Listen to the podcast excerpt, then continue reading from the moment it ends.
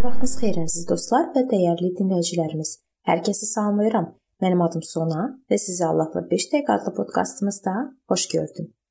Bu gün və sabah mən sizinlə ibrətamiz ailəvi sitayiş haqqında danışmaq istəyirəm.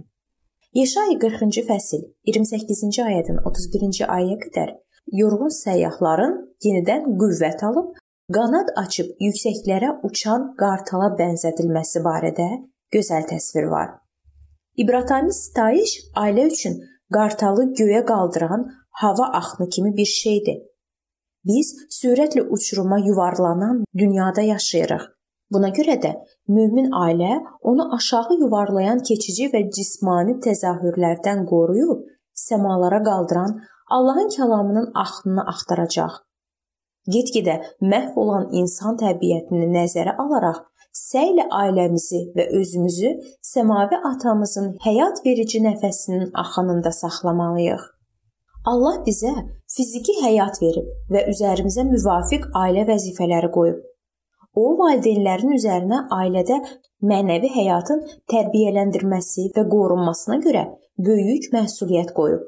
Allah ataları və anaları ailə sitayişinin ibratamizliyini və ruhlandırıcılığını dərk etməyə çağırır. O bizə təkcə Allahla münasibətlərimizi tənzimləməyə yox, həm də imanı növbəti nəslə ötürməyə yardım edir. Atalar ailə sitayişinin yeri, vaxtı və nizamına görə məsuliyyət daşıyırlar. Ailə üzvləri isə onda iştirak etməli, dəstəkləməli və qəbul etməlidirlər. Atalar ailənin bütün üzvlərini iştiraka həvəsləndirsələr, ailə sitayişi daha ibrətamiz olar. Bu məqsədlə ayrılan vaxt ailənin hər bir üzvü üçün əlverişli olmalıdır. Bu yayınmalarının qarşısını alar. Allahın kəlamını öyrənmək üçün ayrılan vaxt hörmət və ədəblə xarakterizə olmalıdır. Bu fikir Əyyub 37:24-də yazılıb. Ailə istayişi gün ərzində diqqətin Allahda olmasını təmin etməlidir.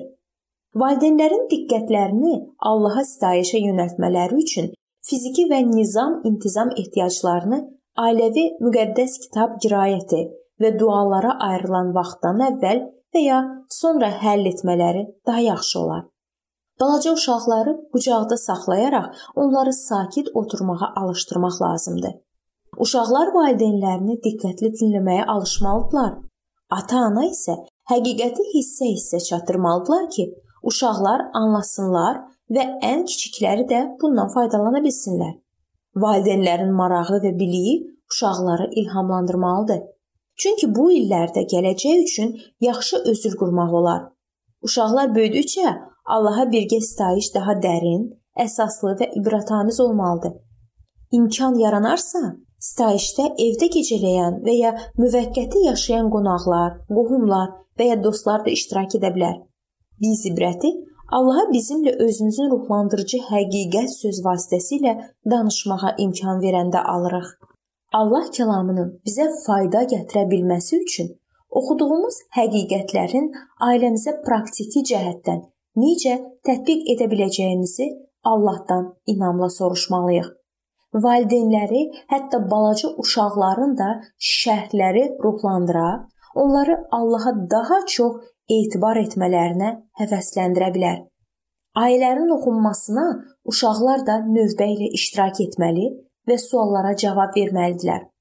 Oxudan əvvəl düşünmək üçün suallar verən, oxudan sonra isə həmin suallara cavablar tələb edən valideynlər uşaqlara diqqətli olmaq vərdişini aşılayırlar.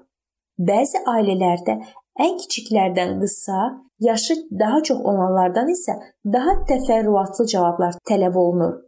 Uşaqların düşüncə tərzini, sadə sualları düzgün cavab alınanadək əvvəlcə az yaşlılara, sonra isə yaşca daha böyük olanlara ünvanlamaqla inkişaf etdirmək olar.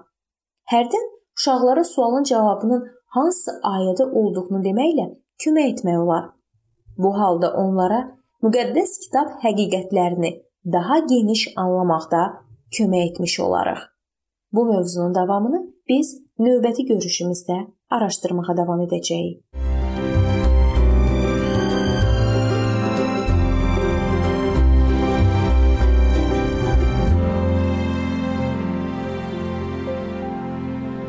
Beləliklə əziz dostlar, bu yerdə bu mövzu sona çatdı. Hər zaman olduğu kimi sizi dəvət edirəm ki, bizim podkastlarımızı Facebook səhifəmizdən və YouTube kanalımızdan dinləməyə davam edəsiniz. İndi isə mən sizinlə sağollaşıram və növbəti görüşlərdə görməyə ümid edirəm.